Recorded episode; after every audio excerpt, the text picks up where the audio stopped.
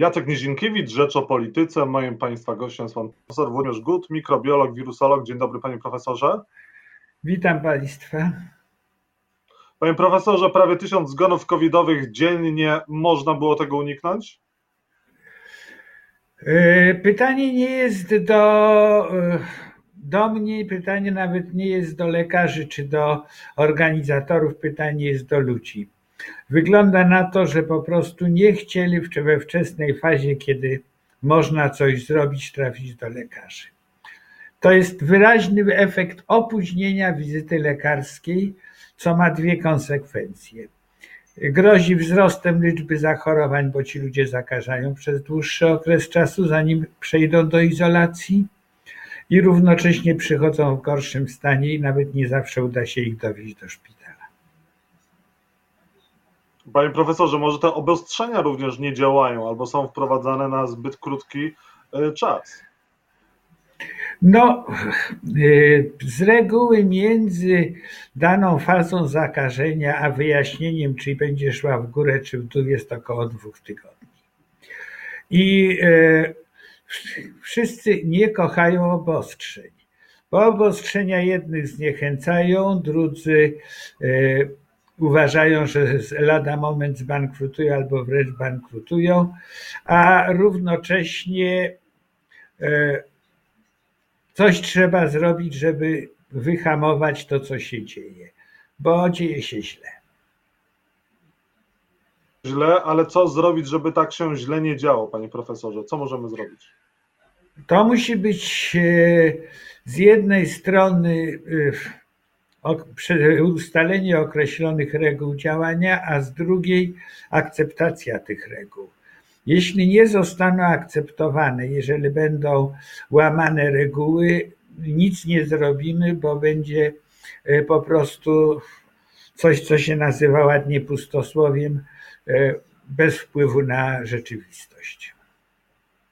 Mhm. E, panie profesorze, czyli te obostrzenia powinny być obwarowywane większymi karami, e, większą odpowiedzialnością nałożoną na społeczeństwo? Czy e, w gruncie rzeczy kary dają jakikolwiek efekt? Bardzo wątpię. Mówi się o tysiącach nałożonych mandatów, o różnych historiach. Chciałbym, żeby to była rozsądkowa decyzja, żeby, oni, żeby ludzie zrozumieli, dlaczego coś trzeba robić. A znaczna liczba kwestionuje z różnych powodów. E, czasami, żeby błysnąć, czasami, e, żeby zyskać poparcie określonych kręgów, i w sumie prowadzi to do czegoś, co się ładnie nazywa bezchołowiem. Jedni mówią swoje, drudzy mówią swoje, a dzieje się źle. Ale w Nowej Zelandii czy w Australii dzieje się e, coraz lepiej. E, e, wychodzą z pandemii. Wielka Brytania w poniedziałek osiągnie odporność zbiorową przeciwko koronawirusowi. Dlaczego gdzie indziej funkcjonuje to lepiej, a u nas jest jak jest? To bardzo trudne pytanie, ponieważ jest to wypadkowa wszystkiego od działań politycznych poprzez e, najgorszą rzecz, jaka była, czyli opóźnienia w dostawach szczepień, poprzez niechęć pewnych kręgów do szczepień, również przez działania medialne, które podkreślają e, chwilowe ataki, a one będą się rozgrywały pomiędzy poszczególnymi firmami na poszczególne szczepionki. Zawsze łatwiej słucha się rzeczy straszących czy e, rzeczy e, interesujących z pewnych względów, niż e, prawdy. Prawda bywa nudna. Mało kto mówi, że w Anglii nie obserwowano takich zjawisk, które zarzucono AstraZeneca, że jest to główna szczepionka, która pozwala im wyjść z tego problemu bo rzeczywiście sukces jest niezwykły. Z 68 tysięcy, o ile się nie mylę, 8 stycznia, zredukowali do 2 tysięcy w tym momencie, więc chciałbym taką redukcję zobaczyć w Polsce. Panie y, profesorze, jeżeli chodzi o szczepienia z 1 y, kwietnia, dowiedzieliśmy się taki w dosyć nietypowy sposób, bo pocztą pantoflową z mediów społecznościowych o tym, że mogą być szczepieni wcześniej 40-50-latkowie. Z tego wycofali. To było dobre rozwiązanie, błędne? Nie, należałoby zaszczepić wszystkich dorosłych, dopóki nie są dopuszczone szczepionki dla osób do 18 roku życia. Zdaje się, że dość szybko zostaną dopuszczone, ponieważ kilka firm stara się już o takie dopuszczenie, ale mamy w tej chwili co mamy. Y, jeśli określone y, grupy nie chcą się zaszczepić, należy zoptymalizować wykorzystanie szczepionek, czyli zaszczepić wszystkich, którzy będą chcieli.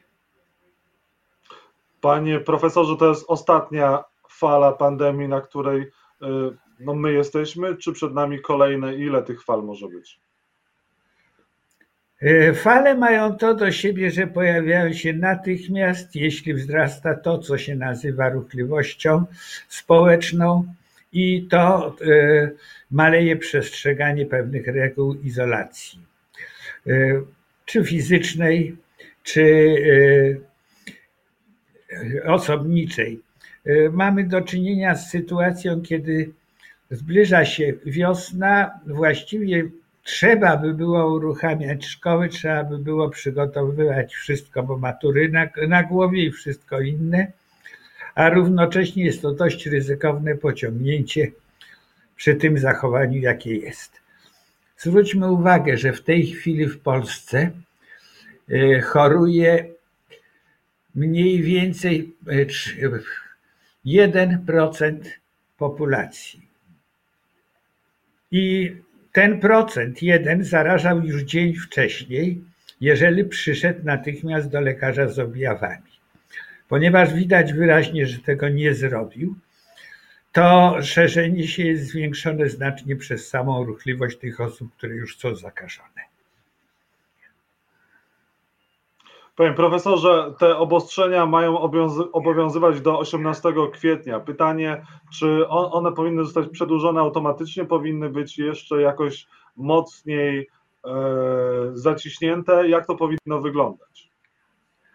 Jeśli będzie obserwowany spadek liczby zachorowań e, i równocześnie spadek zgonów, bo to będzie wskazywało, że ludzie zgłaszają się w porę do e, lekarza i uda się części zgonów uniknąć, to można jakieś posunięcia luzujące przeprowadzić. Jeśli nie, trzeba będzie przedłużać aż do momentu, kiedy po prostu albo będziemy mieli 80% populacji po szczepieniach i przechorowaniu, bo to jest suma dwóch elementów, albo ludzie zaczną się zachowywać w miarę rozsądnie i będzie spadek. Bez spadku nic nie można zrobić, trzeba trzymać tak jak jest. Albo zaostrzyć, profesor... będzie wymagało.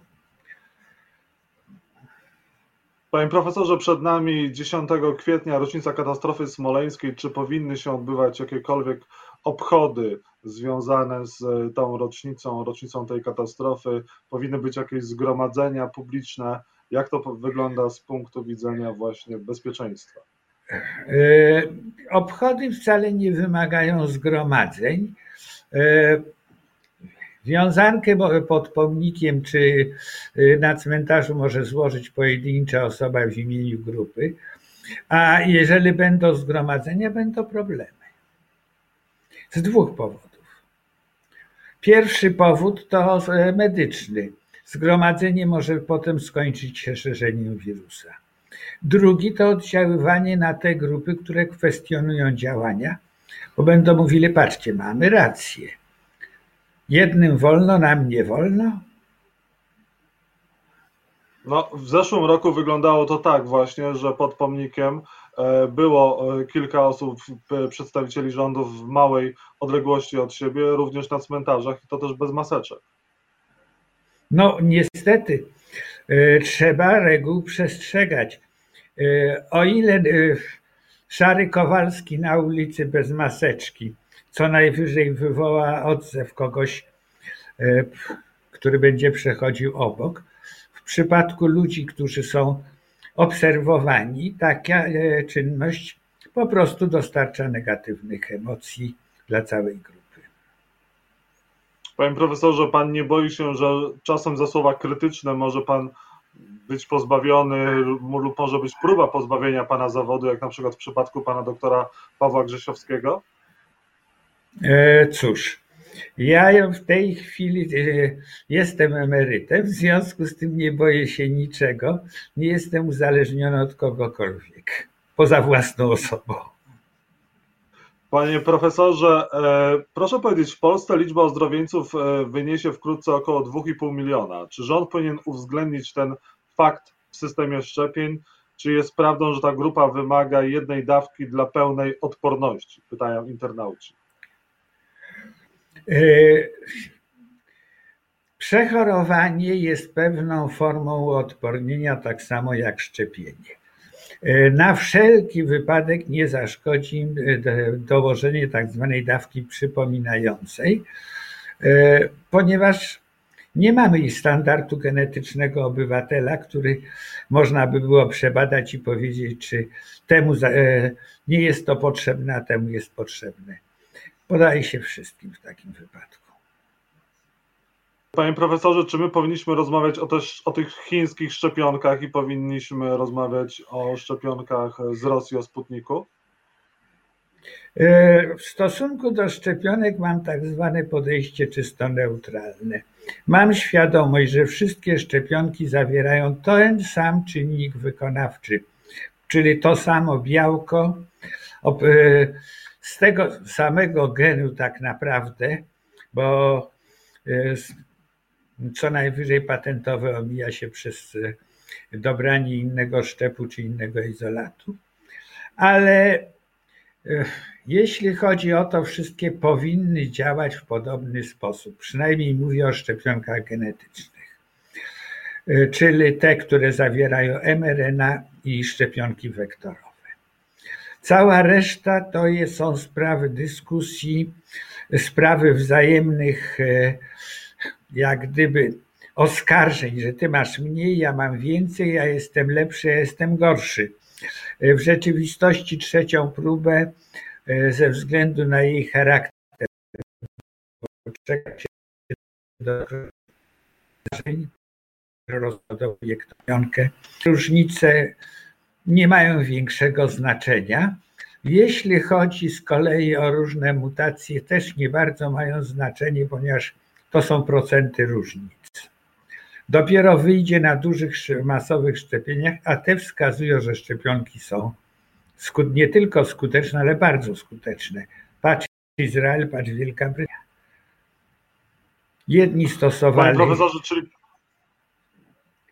bo jedni Panie stosowali mRNA głównie, a drudzy wektorową. Efekt ten sam. Czyli powinniśmy ściągać te chińskie i rosyjskie szczepionki? E, tu wchodzimy na działkę, w której ja się niechętnie poruszam, czyli na działkę polityki i uzależnienia. To trzeba rozważać w innych aspektach. W aspekcie medycznym spokojnie moglibyśmy je ściągać. Czy zostaną przyjęte przez społeczeństwo? Nie wiem. Panie profesorze, czy, czy my niezbyt, czy nie za dużo wylewamy tych szczepionek, nie za dużo tych szczepionek y, utylizuje Polska? Czy ten program jest dobrze realizowany, czy można byłoby, go, czy można byłoby te szczepionki y, lepiej? Więc y, z, do tych wiadomości, które mam, wykorzystujemy to bardzo dobrze. E, owszem, można by było puścić na żywioł, tylko wtedy ryzykujemy drugą rzecz. Kolejka do szczepienia może być również kolejką do zachorowania. Jeżeli się zbierze grupa osób, pojawia się nowe ryzyko. Najlepiej musi być jakiś system ustalający, kto wstępy czasu. Ja z przerażeniem patrzę na ludzi stojących w kolejkach. Wprawdzie mniej, bardziej z przerażeniem patrzę na stojących do badania, bo to mnie dopiero przeraża, dlatego że oni mają podstawy do badania. Jeśli tam się zjawiają, to ryzyko rośnie wielokrotnie. E, I na koniec, panie profesorze, proszę powiedzieć, e, czy dzieci, które są nieszczepione i dla których szczepionka jeszcze nie jest przygotowana, one przenoszą koronawirusa, one mogą zarażać, będąc nieszczepionymi? No, jeżeli same mogą ulegać zarażeniu, to zarażać. E, Zresztą przed zanim nikt ma szczepionki, która broni, ona broni przed przechorowaniem i właśnie przed ogranicza możliwość transmisji. Więc tam, gdzie nie ma szczepień, transmisja będzie taka jak w normalnych warunkach przy zakażeniu. E, z tym, że trzeba od razu powiedzieć, że pewne dane mówią, że im młodsze dzieci, tym mniejszy, e, mniejszy jest współczynnik szerzenia. Najgorzej, dopiero tak gdzieś od 12 roku życia zaczyna się e, problem i on bardzo szybko narasta. E, dlatego między innymi szczepionki są w tej chwili testowane od 12 roku życia i prawdopodobnie na ten e, przedział wiekowy wejdą. A zwierzęta zakażenie, czy na przykład sierść psa? Mm. E, no już nie przesadzajmy, szerzenie się odbywa na zasadzie człowiek-człowiek. Oczywiście, gdyby ktoś nakaszlał na psa, a drugi psa wycałował w tym momencie, ryzyko istnieje, ale główną drogą, i to, o to drodze trzeba cały czas myśleć, to jest sprawa człowiek-człowiek, kontaktu zakażonego ze zdrowym. I to zakażonego w określonej fazie. Profesor Włodzimierz Gut był Państwa i moim gościem. Bardzo dziękuję za rozmowę, Panie Profesorze. Proszę bardzo, kłaniam się.